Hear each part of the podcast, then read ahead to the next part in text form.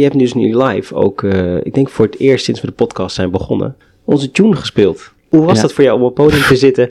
Of Kwamen alle niks? terug? Ik hoor Galahad hele door mijn hoofd heen.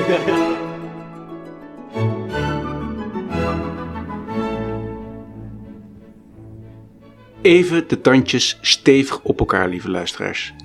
De goede voornemens zijn mislukt. De kerstkilo's en winterbandjes hebben een definitieve plek gevonden.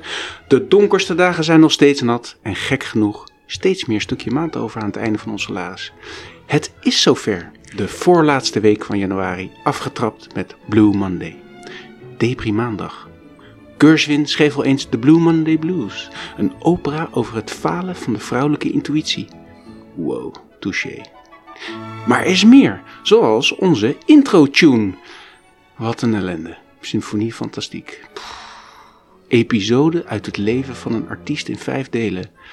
Kan het zieliger? Deel 2 is onze podcast-tune. Het bal waar het wemelt van de schoonheden der natuur.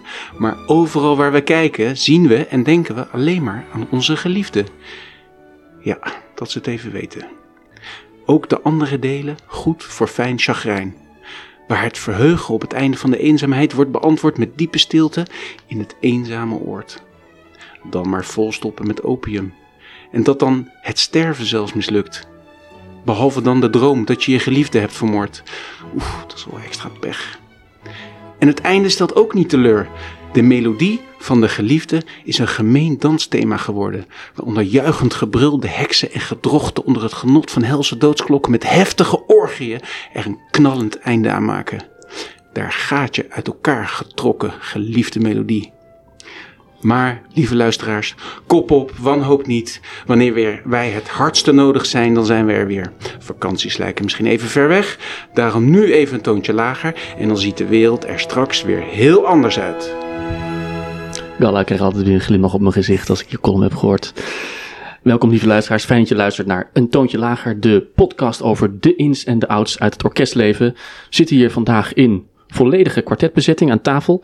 Wat gaan we doen vandaag? Eh, wat gaan we doen? Welke rubrieken komen langs? Sowieso de solistenkamer, waarin ik heb gesproken met dirigent Sir Mark Elder, die bij het Nederlands Philharmonisch Orkest onze openingstune dirigeerde. Wim, jij neemt ons zeker nog even mee naar het nieuws uit de orkestwereld. Ehm, in de rubriek Nu even serieus hebben we het over de oorlog in Oekraïne en welke rol eh, muziek daarin kan betekenen. Dan is er nog een nieuwe rubriek waarin eh, een van ons een poging waagt om binnen een minuut zijn eh, liefde voor een stukje muziek door de microfoon heen te slingeren. Ehm, ik gooi jullie zo ook nog even een stelling voor de voeten, maar niet voordat ik jullie even heb gevraagd ehm, hoe het met jullie is. Pierre, want jij zat er even flink doorheen gisteren. Ja, inderdaad. Ik zou eh, geopereerd worden. Tenminste, dat werd mij verteld. Dat helemaal gepland. Ik kan nadenken over eh ruggenprik of eh, narcose of weet ik veel. En ik kwam daar en zei, nee, toch geen operatie. We gaan het anders doen. Je, je kwam al in het ziekenhuis aan. Ja, Wat, wat voor operatie zou je krijgen, Pierre? ja ons hardloopavontuur is natuurlijk een beetje gestagneerd. Want we hebben overal pijn. Hè? Jongens? Dat ligt niet aan mij. Eh, maar ik ging even kijken eh, hoe het met mijn enkel ging, omdat ik daar nog steeds heel veel last van heb. En eh, dat die steeds dik is na, na belasting. En hoe komt het dat je zo last hebt van je enkel? Wat, ja, hij was de voorgeschiedenis aan? ooit, ooit gebroken met eh ons fa- favoriete spelletje, voetbal. Ja, dus uh, pijnlijk. eh, Heel raar om je in te stellen op een operatie en dan eh, naar huis gaan zonder iets. Oké, en nu? Is er, een, is er een andere datum geprikt? Trage informatieverwerking. Eh, maandag moet ik weer. eh, gaan ze verder onderzoeken met een CT-scan wat er, wat er mogelijk is. Of er nog hoop zijn. is. Of er nog hoop is. Of dat het, eh, ja, dat het hierbij blijft. Heftig man. Ja, gek hè? Kan je goed zwemmen of zo? Ik probeer mijn hoofd boven water te houden, jongens. Maar in het ergste geval kun je gewoon helemaal niet meer hardlopen dus. Want je hebt gewoon nou, te veel last. inderdaad. Ja, ja. Dat, eh, dat zou ook kunnen. Lekker man. Heerlijk. Geen marathon meer van Rotterdam.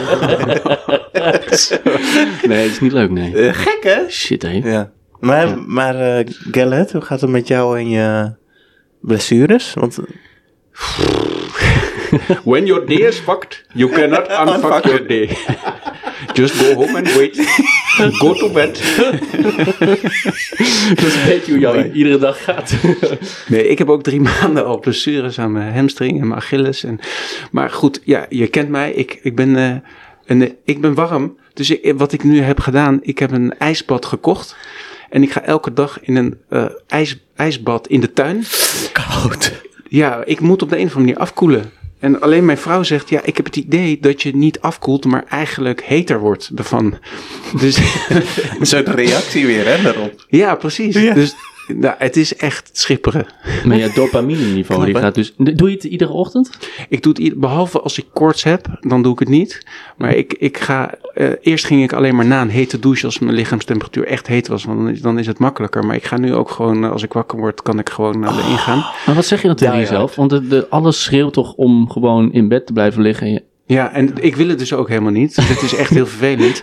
Maar op het moment dat ik eruit stap, dan je, Ja. zeg maar, je gaat hyperventileren en je vecht voor zuurstof, maar je krijgt zo'n stoot dopamine en overlevingsdrang. En je, ik word ook high ervan. Dus de beloning is zoveel groter dan eventjes dat eh, lijden Dan van die dat weerstand. ijs. Ja, ik, het is echt aan te raden. Niet voor, al, voor de mietjes onder, onder dan jullie. doe ik het onder, Maar, eh, maar, maar Pierre, eh, Koen, wij hebben helemaal nergens last van. Nee, Dus wij nee, nee, dus- En wij hebben ook, zijn de enige die die halve marathon ook gelopen hebben, hè, tot nu toe. Eh, oké. Nou, ik Nee, had, ook nog een, had nog een hele gelopen. ja, en ik heb nog een, eh, een ticket Ja, voor de hele marathon in april. Oh ja? En eh, nu is mijn uitdaging om dat gewoon. eh, Goed ja. te verkopen. Nee, ja.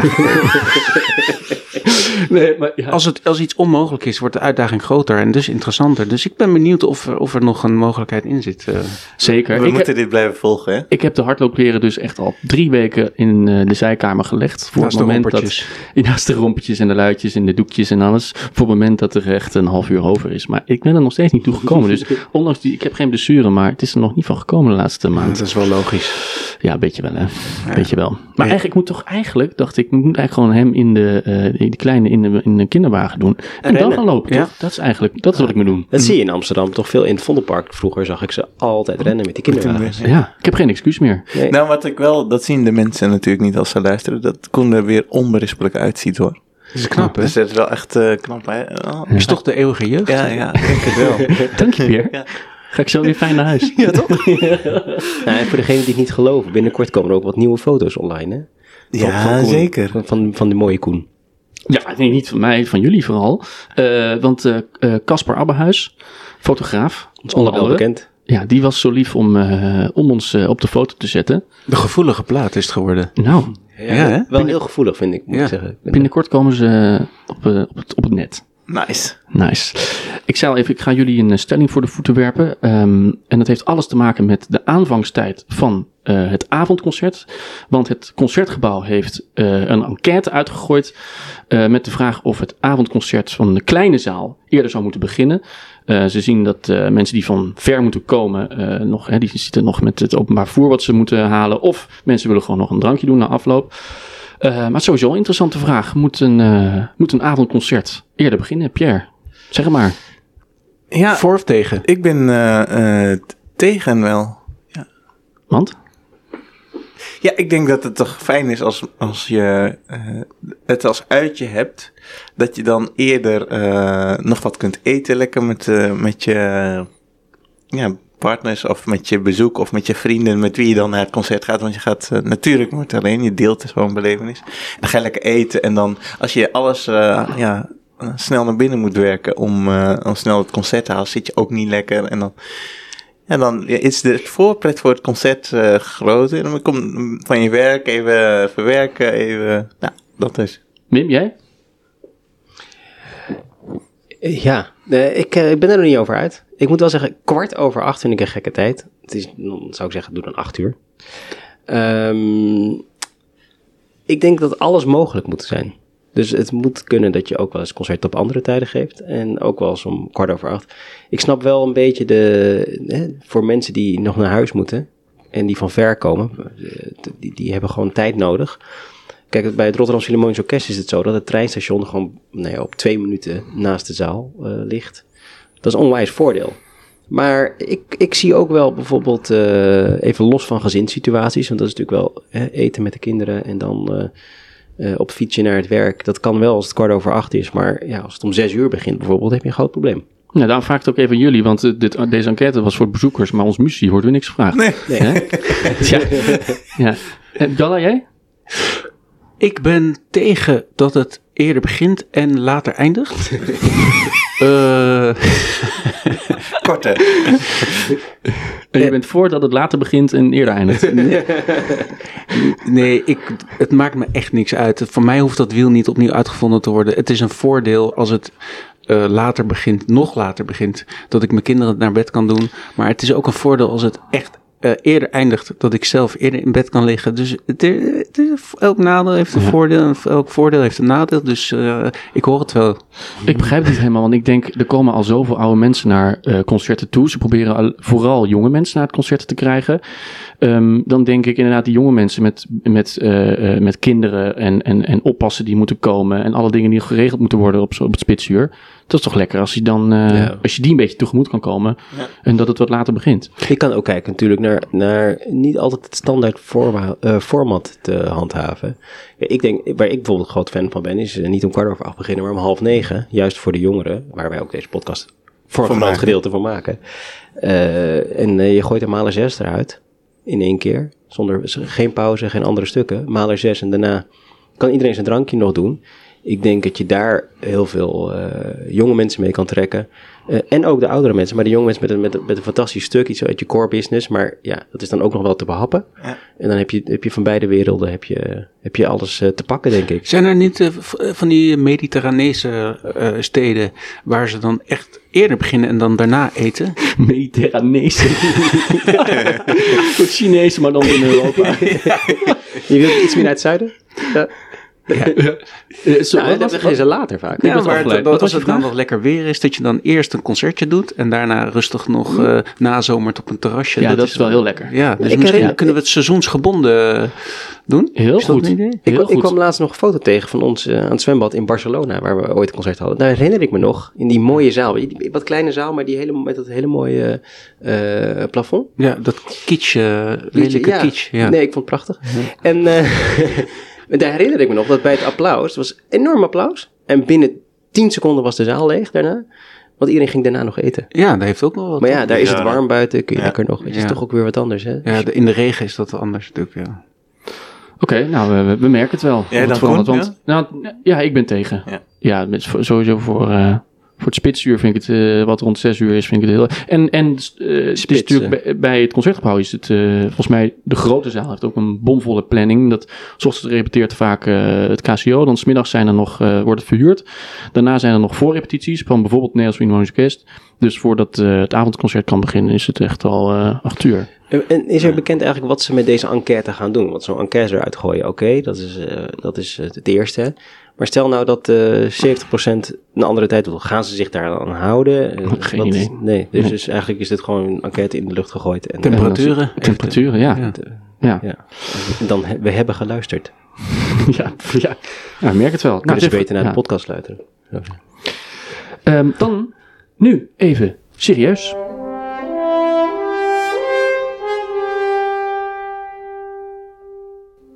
Ah, ik dacht dat we al heel serieus begonnen waren. Ja, waren we ook. Maar eh, het Rotterdams eh Philharmonisch Orkest eh, heeft vorige week iets moois gedaan. De oorlog in Oekraïne, die woedt al bijna twee jaar. En ehm eh, 100.000, meer dan 100.000 mensen zijn ook naar Nederland gevlucht. En het Rotterdams Philharmonisch Orkest heeft 13 gevluchte muzici uitgenodigd om samen aan de lessenaar een concert te geven. Om eh, ja, de hoop op betere tijden levend te houden. Wim, jij eh, was daarbij. Vertel. Ja, klopt. Ja, was een interessant project. Ehm, zoals je zegt, eh, ja, side by side. Met met eh, mensen uit Oekraïne. En het is een, was een ontzettend gelaagde avond. Eh, je merkt toch dat het een situatie is waar je, nou, wij als, als Nederlanders toch nog, ja, we, weten natuurlijk eigenlijk helemaal niet. We hebben allemaal de oorlog niet meegemaakt. Ehm, het is, een beetje onwennig, moet ik eerlijk zeggen. Was echt een beetje, een beetje zoeken. Ehm, en met name op de avond zelf merkte hij heel erg eh, wat het deed met de mensen. Natuurlijk ook omdat er publiek bij zit.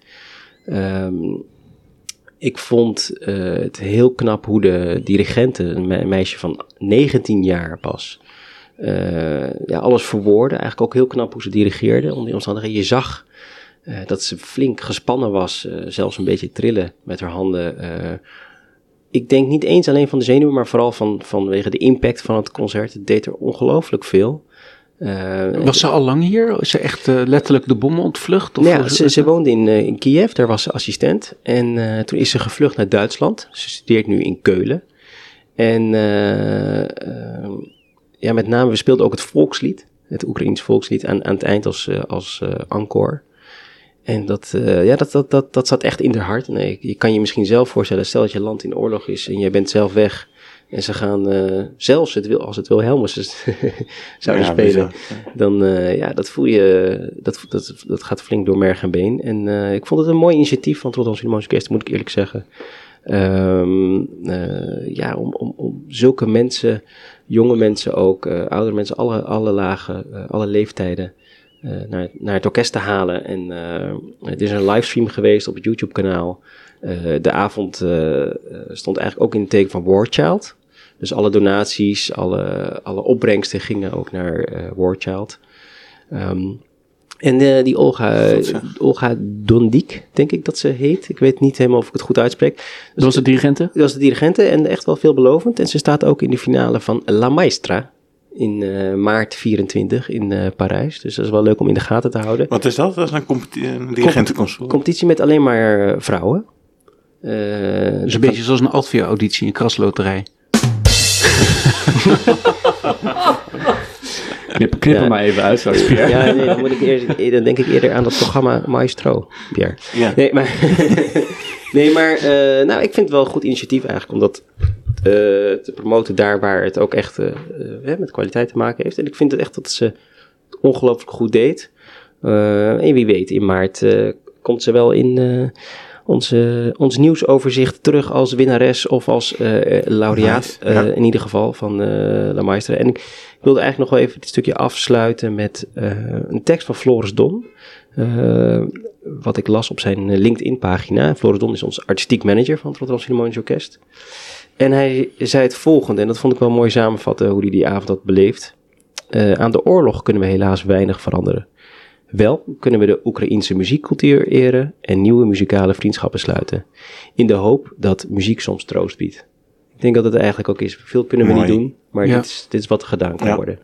Ja, Mooi. mooi. Dan eh, gaan we door naar een, eh, een nieuw rubriekje. Want eh, de decembermaand is eh, achter de rug. Januari is in volle gang. De cadeautjes die zijn er niet meer. Mijn eh, kinderen zijn al, waren al helemaal gewend aan cadeautjes. Maar ja, eh, ze moeten nu even op de blaren zitten. Eh, dus dachten we, ja, misschien kunnen wij een cadeautje geven. En eh, we bedacht dat één van ons een poging waagt om dus binnen een minuut, binnen 60 seconden, zijn liefde voor een thema, om een stuk muziek door te geven door deze microfoon. Een pareltje gevonden in Een pareltje- 60 seconden. Mooi.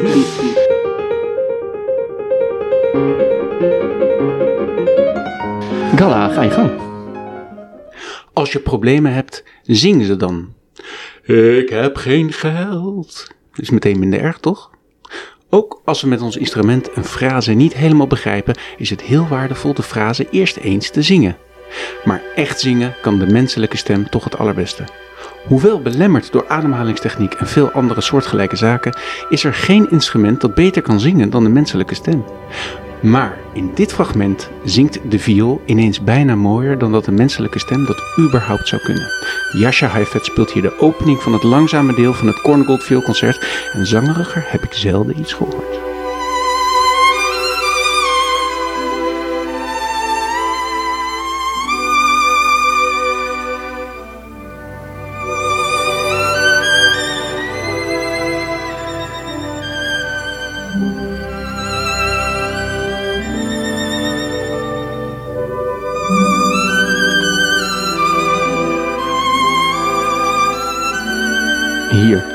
Is dat mooi? Het is echt wel heel mooi, toch? Pierre? Bijzonder, hè? Mooi, ja. Ja. ja. Ja. Hoe, hoe luister jij dit nou, Pierre? Jij als hornist. Ik bedoel, wij zijn allemaal violistische achtergrond. Ja, inderdaad, heel mooi zangerig. eh, eh, prachtig. Ja, ik, maar ik ben eigenlijk ook strijker van binnen.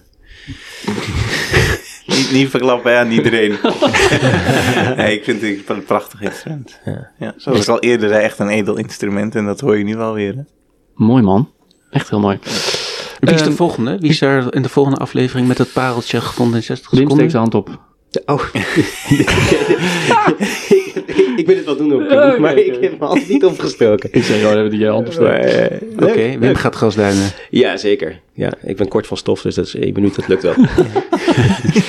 Oké. Eh, het Nederlands Philharmonisch Orkest gaf eh, vorige week een, eh, een concert met daarin onder andere uh, Symfonie Fantastiek van Hector Berlioz.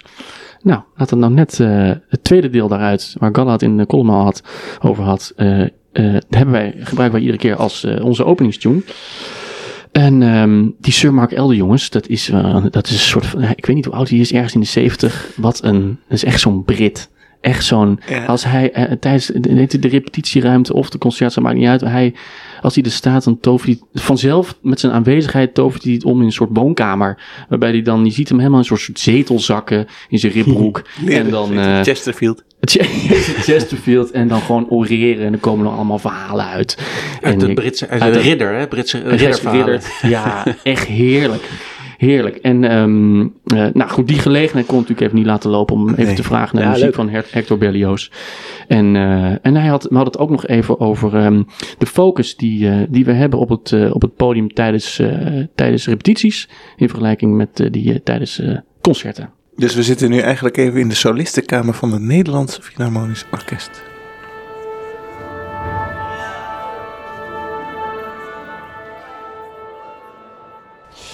Um, dear Sir Mark Elder, thank you for being with us. We are sitting here in your conductor's room in the Concertgebouw just right after the performance of Berlioz Symphony Fantastique. And um, as I told you, since the opening of the podcast always starts with the, the ball, we thought you could maybe tell us something more about this incredible and strange piece, right? It was very brave of him to do it when he did. I can't remember the exact year, but it was in the first 30 years, I think, of the 19th century. And he did it in incredible circumstances in a very, very tricky hall, you know. Um, it must have been an extraordinary premiere. People must have been bewildered and some were thrilled. He always had people who supported him, and he always had people who just thought he was a mad devil. Um, it, was, it was extreme. This music, to me, has such incredible inner imagination that he is determined not to be satisfied with what he has come from, um, what the, the generations before him did. He wants to answer the voice inside him. How else could you begin a symphony so with such extraordinary, gentle, affecting beauty as this symphony does? I think he was a risk taker. I think he was a pioneer. One of the things that's extraordinary about Berlioz is that he wrote one of the most important books on orchestration. Right. But he never played an instrument himself, apart from the guitar a bit. So he was he was playing the guitar and could still be this incredible composer. That's quite quite a thing. because he had a voice inside him. I, for instance, I think Janacek also has a particular voice inside him that he struggled to, to find uh, expression. And I think Berlioz is the same. They were one off, both of them. And I love Berlioz's music, anything. I mean, some of it is less successful, but you know, when you think of the death of Cleopatra, for instance, that's an amazing masterpiece with the right singer or the opera that I did here some years ago in uh, Amsterdam, Benvenuto Cellini. It's so full of wild madcap, we would say in English, uh, ideas, and so much joie de vivre. Um, I just admire him so much and try and do his music as well as I can. I think the Romeo and Juliet Symphony is one of his greatest things. Yeah. So he's a he's a risk taker, like you say. Um, you have been chief conductor of the Halle Symphony Orchestra in Manchester for more than 20 years now, which is quite special. Um, you told us this year you will say goodbye. Uh, how do you look back at this relationship of more than 20 years? Well, at the beginning of this century, which is when my relationship with them really started, um, things in Manchester were very different from what they are now. And the Halle was no exception. They'd had a very difficult 10 years all through the 90s. The money was getting less and less. There was real fear about the future. And artistically, things had been up and down, shall we say. There had been high points, but there'd also been some very great sadness and uh, unhappiness uh, in the artistic life. And I came to try and do something about it, to try and make a new chapter in the orchestra's history. And I was able to do that because the general manager, the, the chief executive officer, we call him in England, the CEO, was a man who has become one of my dearest friends. And we started almost at the same time. He was there a few weeks before me. John Summers, his name was. We didn't know each other, we'd never worked together. And we talked about what we wanted to do. Now, here we are, 25 years later nearly, and we've achieved a lot of what we dreamt about. Uh, I think the orchestra plays really well. And I think one of the things that gives me the most satisfaction is that when I first started with them, they didn't really know who they were. How could they? Um, they had a, a, difficult relationship with the last music director. They had very little money. They were almost bankrupt. Their futures seemed in jeopardy. And I felt it was my responsibility to bring their soul back. And that's what I've tried to do for 20 years. Yeah. Wow, what a what an achievement. And if you because I don't I know the orchestra culture in Holland, but I don't really know the orchestra, orchestra culture in England. Can you tell us something about that? There are many very very fine orchestras in England, not just in London. Manchester, for instance, has three: two large symphony orchestras and a chamber orchestra. Um, there are many orchestras that are, are very um, established and old, uh, not like not like the Leipzig Gewandhaus, but old in English terms. And the problem for us is to get enough support and funding to be able to flower. Of course, the musical life of the country is centred on London, and there are many, many orchestras in London, large and small. And you could say there are too many because there's more than the audiences can cope with. Yeah. But I don't think that's so crucial. What is crucial is that the, the governments who govern us, whatever they may think about music themselves, that they are prepared to recognize that music has a really fundamental, central, important role in a country's well being. Yeah. And if, if a, gov- a government isn't prepared to say that, and most governments are not, um, there's a feeling that we're second class citizens and that they give us money because, well, you've got to have a few orchestras. And there's no sense of commitment to the importance of the creative life of a country. Yeah. Yeah. And if you compare um, people from Manchester with other other um, uh, uh, um, with other cities in London, how do you would describe people from Manchester? Well, Manchester is the main city of the northwest you could say, of the north. Um, it's so far north, it's much further north than Birmingham, which is a great city, but it's not quite as good as Manchester. Um, Manchester is, is a very old city. I mean, if you're a man, Manchester, born in Manchester, you're a Mancunian. And that word comes from what the, the Romans called it. Mancunia was their camp there. That's what they called it. And it's had an, an enormous um, success in terms of industry and creative industry. And the, for many, many uh, years, it was the center in the world for cotton manufacturing. Um, and there was an enormous, um, successful industry that centered on Manchester and the cities all around it. And then it fell into sadness and it fell into bad times. Uh, and a lot of the city was really unattractive, and you had to be very careful where you went. That was when I was young in the 70s and 60s. Um, but now it has a lot of uh, confidence, a lot of belief in itself. It has an enormous university, and we have huge, great high rise buildings, none of which were there when I started in 2000. None of them. The Manchester spirit is absolutely indomitable, we would say. You can't, you can't destroy it. Um, they're wonderful people. I love them. And I've been so happy being part of that community for such a long time. Yeah. And um, um, sorry, I will just uh, um, um, seeing so many chief conductors nowadays leaving their orchestras after four, five, six years. um, not staying for too long as a chief conductor. How do you feel about that? How, how do you see that? Well, what I was interested in before I was able to accept this wonderful offer, I was interested in, in the idea of being a music director with an orchestra in the long term. I'm not so interested in the short term. I'm interested in, in supporting and guiding and looking after an orchestra and the community and everybody in the, the business, you know, in the whole um, institution. And being a leader and standing up for excellence, standing up for the highest possible standard, and bringing the public to us, going out to them, learning about them, giving them courage to come and listen to, to music. All ages, from the age of five to 90, you know? And I'm interested in being part of that development. Not everyone is. Not every conductor is interested in that sort of involvement. They want just to do a few concerts a year, um, uh, you know, have the position, have the reputation, and go off and do something else. I couldn't have a position like this in more than one orchestra.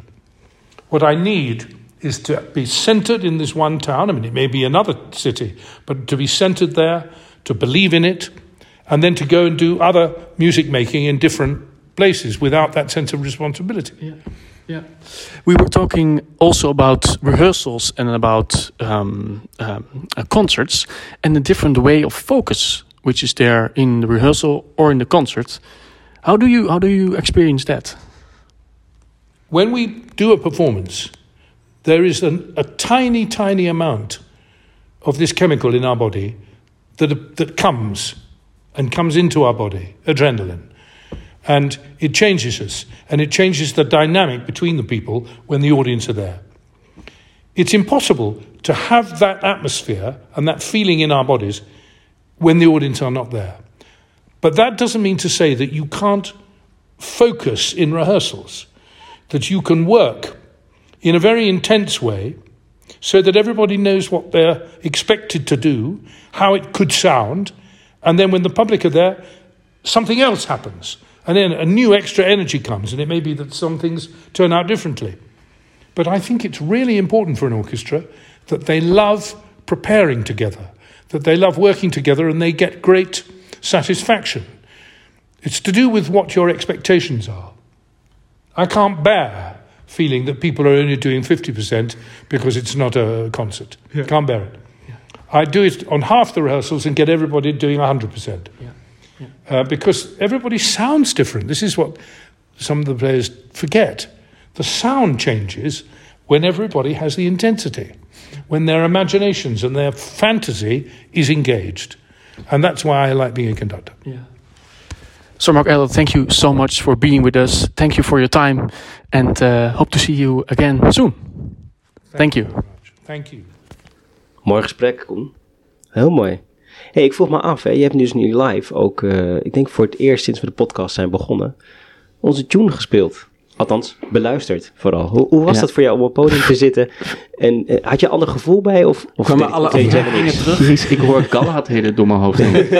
ik hoor iedere column een soort van door elkaar heen, komt er doorheen. Nee, echt, eh, dat is hartstikke leuk om dat een keer eindelijk te spelen. Ehm, Wat vind je van het stuk? nou, ik ben het uiteindelijk wel heel leuk gaan vinden. Maar ja, zoals hij al zei, die Berlioz die is dus opgevoed met fluit en gitaar. Ja, ik moet zeggen, ik hoor dat gewoon een beetje. Waar hij dan zelf, dat is wel best interessant eigenlijk. Hij zegt daar zelf, eh, Berlioz zegt daar zelf over dat hij dat een zegen vond. Dat hij met alleen gitaar eh zijn composities maakte. Omdat hij dus ehm, niet verleid werd tot, allerlei- tot het gemak van de piano. Dus vind ik wel best interessant eigenlijk. Want met een gitaar heb je natuurlijk gewoon iets minder mogelijkheden als je componeert. Hè, maar, ehm nou ja, goed. Het is echt een bizar stuk eigenlijk, hè? Ja, Dat, ik, ik, ik herinner mezelf nog wel, die periode dat we met eh Yannick, eh Yannick natuurlijk, eh, dit allemaal opgenomen hebben. Samen met nog wat, wat, wat liederen, dacht ik. Ehm, staat me iets voorbij. Le Mort de Cleopatra. Nee, jongens. dat is ook van, is dat ook van. Berlioz. Ja, dus De, de info komt weer van mij. Oké, goed. Ja. Nee. Olifantengeheugen. ja. Nee, maar dat was. En we hebben het ook op, op een tournee met Yannick gedaan. Echt fantastisch. Ik, vond, ik vind het dus. Maar deze, deze constatering van jou, die hoor ik bij veel collega's. Je, you love it or you hate it. is een beetje dat stuk, hè? Ja. Ik heb het gevoel dat hij er ontzettend zijn best om- op heeft gedaan. Dat het ook heel goed gelukt is. Maar dat je toch te hoort dat hij er ontzettend zijn best op heeft gedaan. Maar daar moet je het ook, je moet het ook een beetje op een, in een hoog tempo spelen. Dat, dat helpt heel veel. Oké. Eh, Nou. Dus je bedoelt niet eh adellijk Brits. Ja, weet ik niet. Ik was, niet, ik was helaas niet bij het concert. ik had het heel graag willen horen. Hij, heeft het, graag fan- willen hij heeft het fantastisch gedaan. Het orkest heeft het fantastisch gedaan. Ah, maar het was inderdaad een beetje aan de langzame kant. Ja? Maar Ja, dat is, wel, dat is ja. ook een beetje van eh, oudere dirigenten eh, eh, en oudere muzici. Is Ja. dat, dat, dat, dat hele andere tempo-beleving. Dat vind ik En wel mooi juist Ja, dat kan ook mooi zijn. Ja, dat vind ik ook. Maar bij dit, bij dit stuk, particularly, Ja. zeg je dat in, op zijn Brits? Particularly. Ja. Eh, eh, heb ik altijd wel het gevoel dat het een beetje tempo eh, mag. Kijk, bij, een langzame Brahms bijvoorbeeld, bij je Brahms-symfonie, heb je wel eens oude dirigent die dat dan heel gedistingeerd, weet je, een beetje bijna niet bewegen. Is een opname van Haitink bijvoorbeeld, waar die eigenlijk niks doet, die ik wel prachtig vind, met eh, volgens mij COE, met Chamber Orchestra of Europe. Maar bij dit stuk, in mijn ogen, hè, Ja. don't eh, shoot the messenger, don't shoot mijn eigen messenger. dat, eh, lekker tempo. Pap, pap, pap. Uh, Pierre, wat is het voordeel dan van een eh, lager tempo, vind jij? Eh, dat je het eh, voor mensen met een langzame verwerking, informatieverwerking, dat je het gewoon eh, echt tot je kan nemen. Ja. Eh, het, het verteert soms makkelijker door het heel duidelijk en langzaam eh, te vertellen. En eh, ik denk dat dat. Dat, dat eh, Zijn helpt. ze met jouw enkel begonnen? Met, eh, Eh, Dat achtergrondgeluid leek wel op een boor, ja. Nee, ik ben het op zich. Het, het, heeft, het kan heel mooi zijn, die eh, een langzamer tempo. Omdat je gewoon meer ruimte hebt om een melodie. Om, eh, ja, om, om dat meer uit te spelen. Ja. Maar het gaat misschien een beetje ten koste van het geheel uiteindelijk. Hè? Het een, een hoger tempo kan weer het voordeel hebben dat je gewoon de structuur van een stuk ja, wat meer. ja, precies. eh, Het- eh, ik, ik moet ineens denken aan de, toen ik nog thuis woonde. Dan ging mijn vader in bad liggen. En dan moest ik voor hem altijd een stukje spelen. En hij, heel vaak zei hij: ja, als, jij, als, als je een noot speelt, dan ben je al bezig met de volgende noot. Maar dan geef eens even aandacht aan die noot die je Oh, speelt. Ja. En, en dat, dat- de jonge, jonge hondengedrag is natuurlijk eh, door, door, door, door, door. ja, precies. Dus het is ook mooi om iets gewoon, eh, net zoals wat wij in de podcast ook een beetje kunnen leren, dat we even een beetje rustig gaan een kijken. toontje lager praten. ja, een toontje lager. Wat vinden we hier eigenlijk van? ja, interessant. Ik denk wel opeens aan die eh, stelling van de dag, waar we mee eh, aftrapten vandaag. Als je heel langzaam gaat spelen en je gaat laat beginnen, dan ben je dus je toch niet, later in je eigen bed, eh, Ja. Galla. Hmm, ja, Ja, moet ik moet ik even verwerken. Ja. Neem de tijd. Dan nu Orkest Insight met het, eh, het nieuwsoverzicht.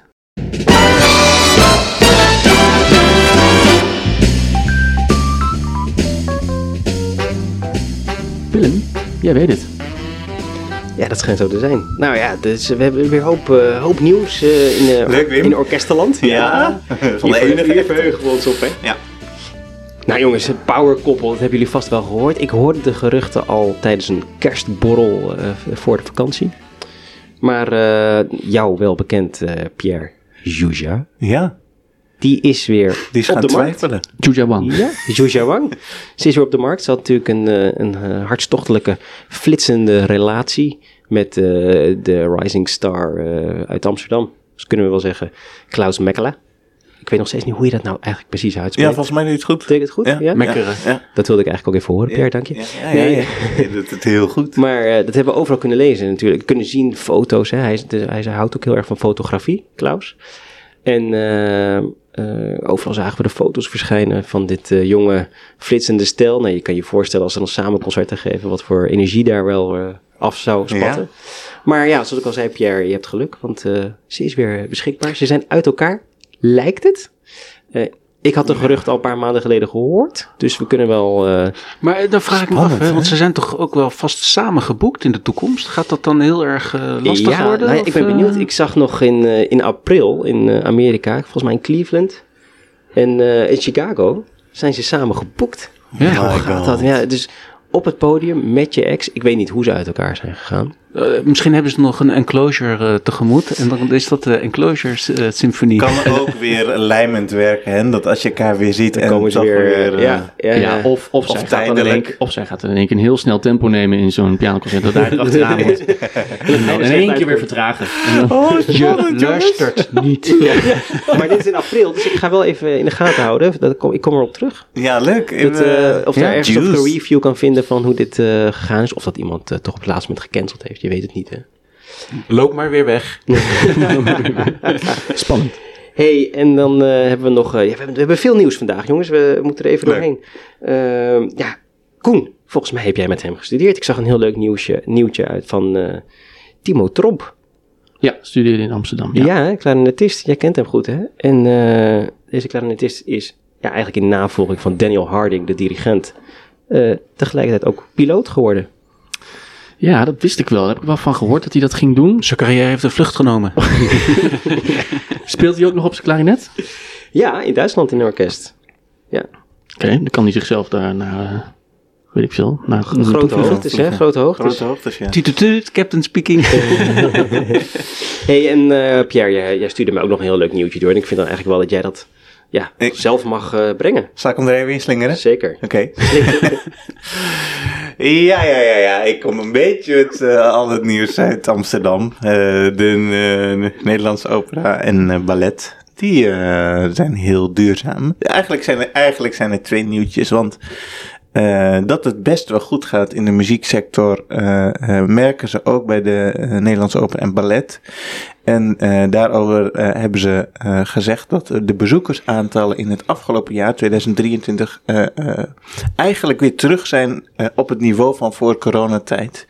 Met de kanttekening dat er veel meer jongeren in de zaal zitten. Nou, en dat doet mij zoveel goed om te horen dat, dat Mhm. Ze dat hebben weten te bereiken en dat ze weer allemaal terug de, eh, de zaal in zijn. Ja, dat was wel grappig dat je dat, dat, je dat zegt. Want even, even inhakend. eh, ik denk, ja, ik moet toch jouw nieuwtje even checken. Hè? Want Ja. eh, ja, je, je zegt wel vaker iets nieuws. En dan denk ik, Ja. het is oud nieuws. Maar even checken op het net. En, en toen zag ik dus een hele zure, kan ik toch wel zeggen, reactie van iemand op het web. Of was het zelfs van een of ander blad. Over ja, ze kunnen wel ze. Hè? Zodra mensen al gaan zeggen ze, dan eh, weet je al, ja, er komt wat. Eh, ze kunnen wel zeggen, er komen meer jongere mensen. Maar het gaat niet om. Wat is de omzet? Want ik weet hoe ze dat doen. Dan douwen ze die, echt letterlijk zo stond hè. Dan douwen ze die eh, jonge mensen allemaal die zaal in voor eh, 10 euro. En dan, dan leiden ze heel veel verlies, maar kunnen ze naar buiten doen van hebben jonge mensen. Dat vond ik dan zo ja, weer zuur. jammer, hè? Ja. Dat is zo jammer. want Ik zie in Rotterdam ook eh, nog enorme toename, eh, zeker het laatste half jaar. En van publiek, Ja, en van jonge mensen. ja en, dat is toch eh, geweldig. Ja, dat is toch ook eh, voor de toekomst wel Ja, goed, precies. hè? Dus je moet niet alleen kijken naar de cijfertjes van nu, maar ook, eh, ja, dus als ze over 20 jaar betalen misschien wel eh, de volle pond. Nou, precies. En Ja. ik denk ook, ja, al die initiatieven die daaraan bijdragen, weet je, zoals misschien de prijzen, maar ook het opvoeden, ook, eh, nou ja, we noemen maar een, bijvoorbeeld een podcast. Ja, Waar precies. mensen wat, eh, wat Dankjewel. wel bij. Maar je had het over Mooi. duurzaamheid, eh, want dat is het tweede gedeelte van je bericht. Juist, precies. De, de, ook een beetje jongerengericht. Eh er is een nieuwe app namens het Nederlandse Opera en Ballet. En de app heet Slinger. Daarom zei ik ook al slinger hem er even in. De app heet Slinger. Eh, eh, zodat mensen met elkaar in contact kunnen komen om samen te carpoolen naar zo'n eh, concert. En dat is heel handig, want er is natuurlijk heel weinig parkeergelegenheid in Amsterdam. En als het er is, is het hartstikke duur. Dus het is eigenlijk wel en duurzaam in die zin dat je minder eh, eh, eh, verbruikt. En ook Ja. duurzaam in de zin van minder kosten. En gezellig dat je met degene met wie je daar dan li- gelijk gestemde naar zo'n concert gaat. En misschien al vooraf kunt babbelen. En misschien wel nieuwe vrienden maakt. En misschien wel.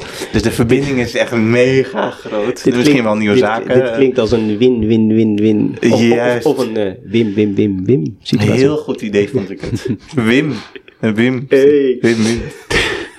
Leuk, leuk nieuws. Leuk nieuws, eh, eh, Pierre. Ik Ja. had eigenlijk ge- gedacht dat Koen er wel mee zou komen. Het is natuurlijk Ik had het ook wel. Maar ja. Maar Koen zit nog een beetje in de muziek. En die gaat op de fiets, hè? En in de luiers. En in de lijst. Nou, dan, dan zag ik nog twee eh, prachtige nieuwtjes. En in het eerste nieuwtje denk ik, die- nou ja, daar moeten we eigenlijk iets verder op ingaan door deze persoon ook even te bellen. Ik zag een heel mooi nieuwtje over iemand die wij goed kennen, Janneke Slokkers. Eh, heeft ook hier gewerkt in Rotterdam en is ook een, eh, een persoonlijke vriendin. En, Maar heeft ze eh, niet gewerkt?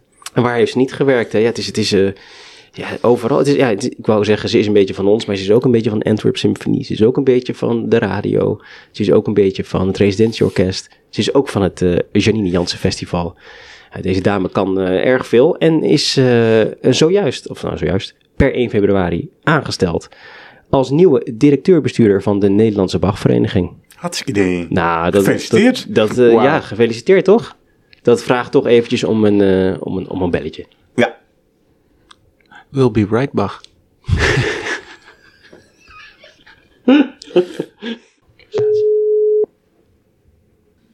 Hallo, met wie spreken wij? Hallo, met Janneke Slokkers. Hi, Janneke. Hallo, Janneke. Hallo. Hey. Je spreekt met de jongens van een toontje lager.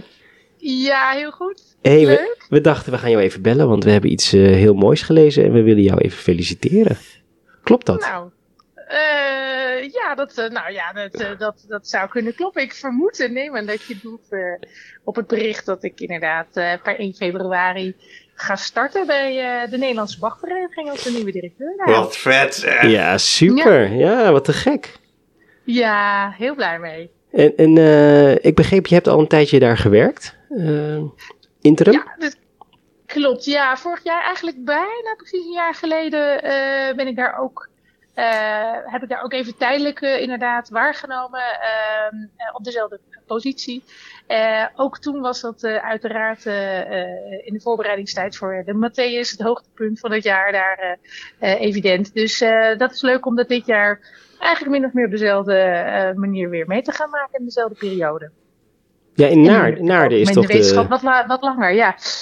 Naar, naar- ja, dus in Naarden. Ja, ja, ja, ja. Dus eh, onder andere, de- we, we spelen ook in Rotterdam overigens. En Oh. eh, op heel veel locaties. Dus eh, Amsterdam, Utrecht. Dus door het hele land klinkt, klinkt het Matthäus. Ah, Ja. te gek. Dus die vrijkaartjes voor ons die zijn bij deze geregeld in Rotterdam. Mooi. Nou, wie weet. Ja.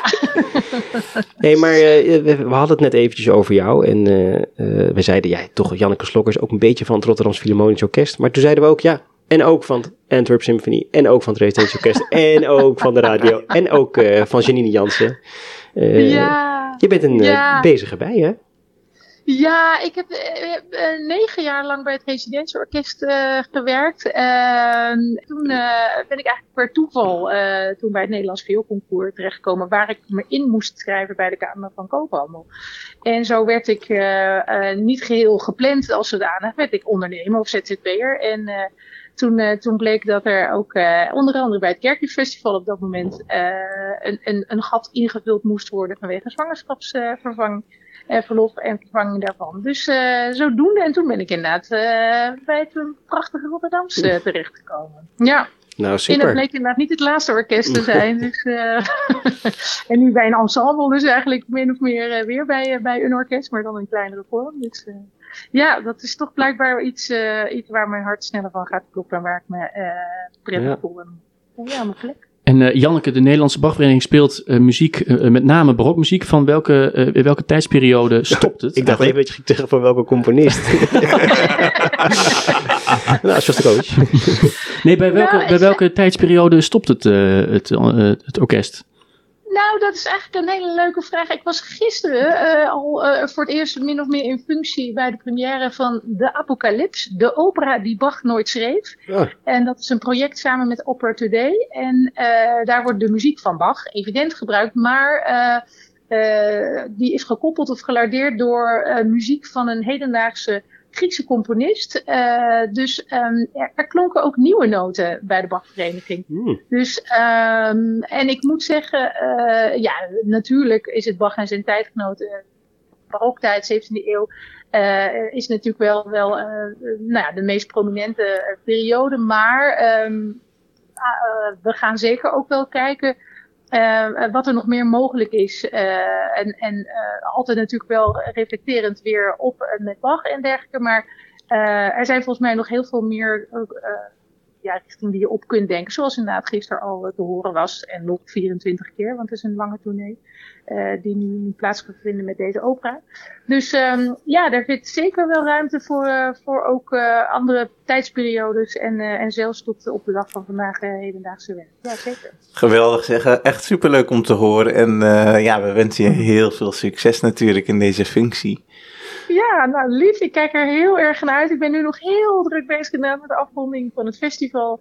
En uh, de meerjarenplannen, zoals uh, veel van mijn collega's op dit moment uh, nog achter, achter de computer zitten. Ja, hoe moet het met het festival, Janneke, als we het toch nog even daarover hebben? Het Janine Jansen Festival. Ja. Ja, ja, ja, ja. ja.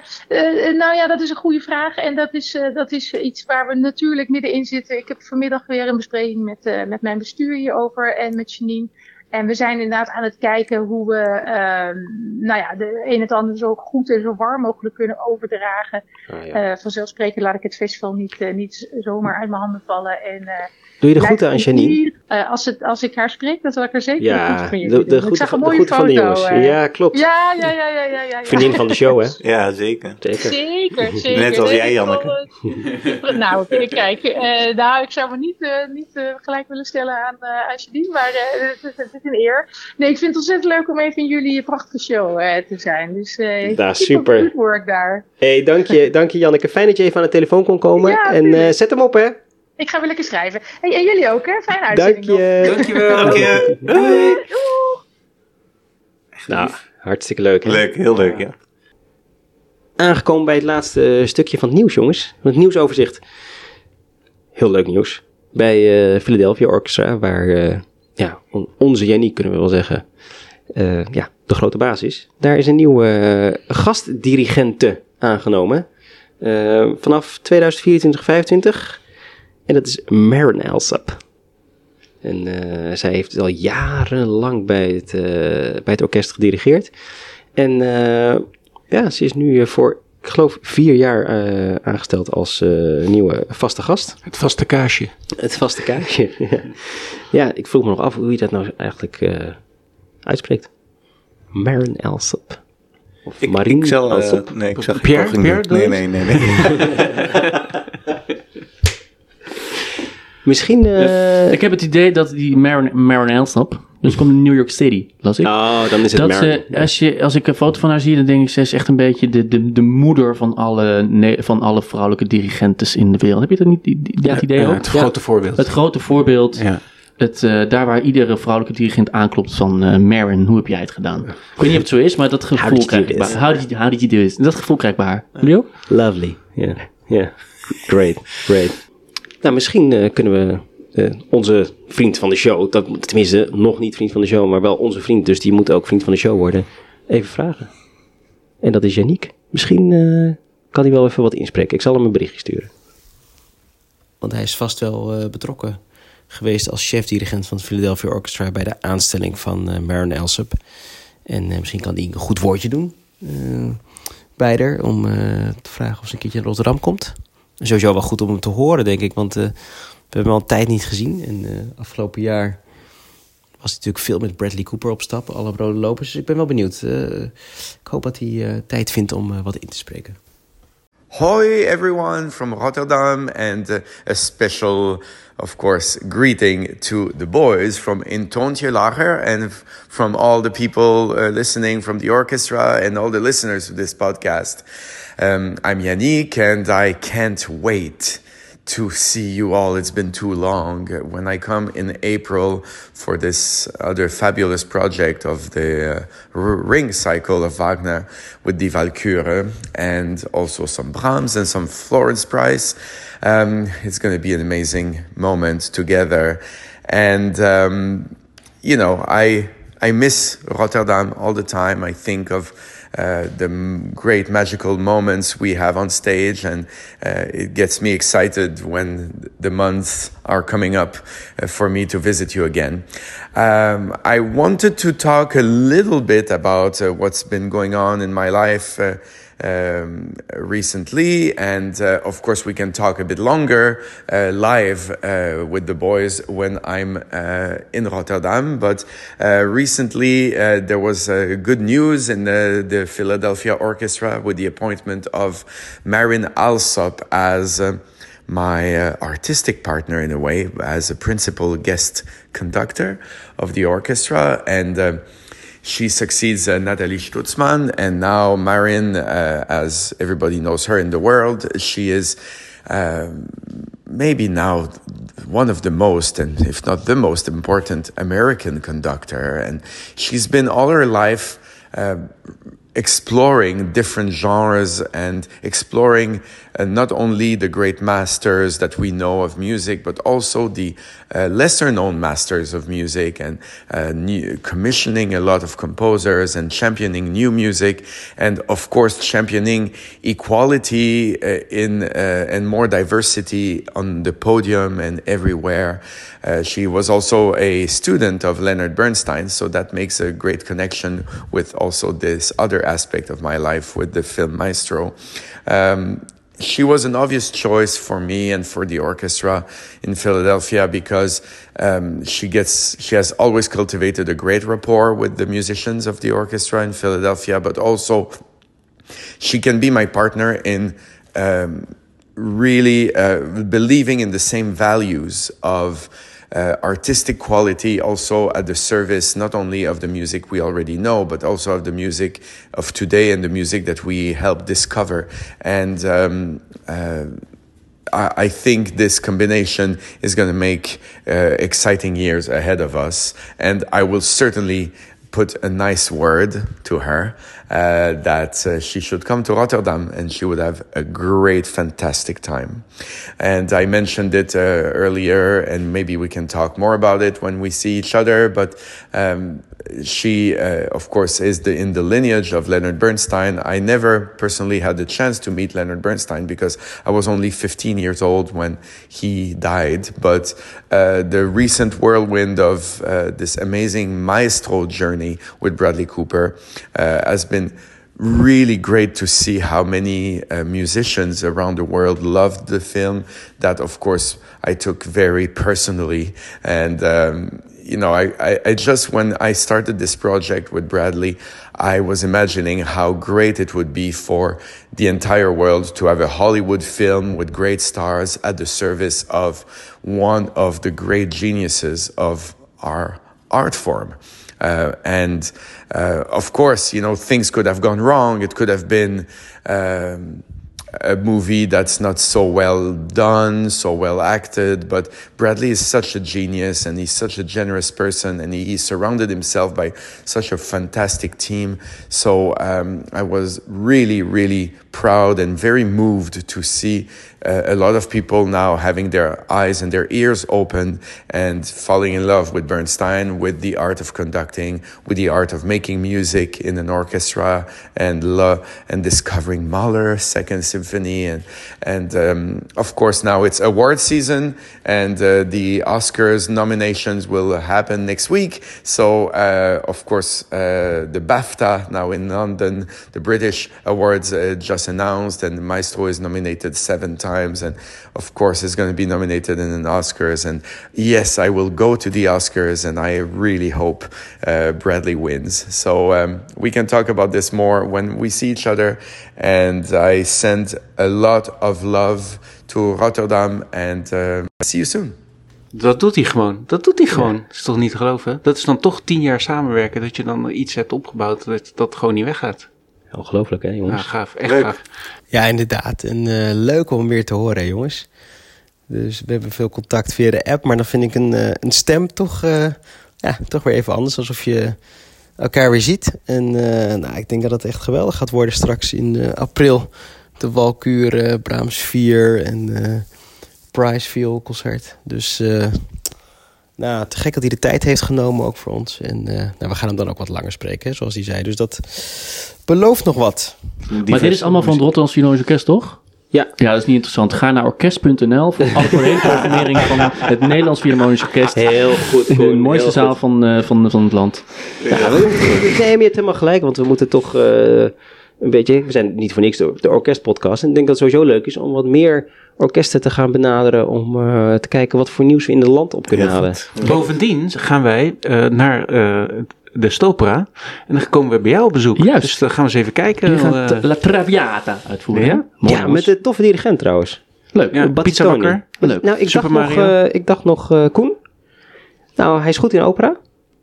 Ik wil niet veel zeggen, maar eh, het schijnt dat jullie ook nog... Ja, dat moet ik Oh, eigenlijk niet als zeggen, optie wij voor een nog op zoek. chefdirigent bij het Nederlandse Monies. Nou, eh, Ik, weet niet of, de lijst, op die, eh, of die op de lijst staat. Zo niet, dan eh, ga ik je het doorgeven. Nou, zitten we alweer aan het eind eh, van de aflevering. Er komen binnenkort een paar hele sexy foto's van, eh, van ons online. Al zeg ik het zelf. Zeker. Nee, vergeet niet een, eh, een review achter te laten op Spotify of op welke podcastplatform je ook luistert. Dank voor het luisteren op vrijdag 2 februari. Dan zijn we er weer. Tot dan. Tot een toontje lager.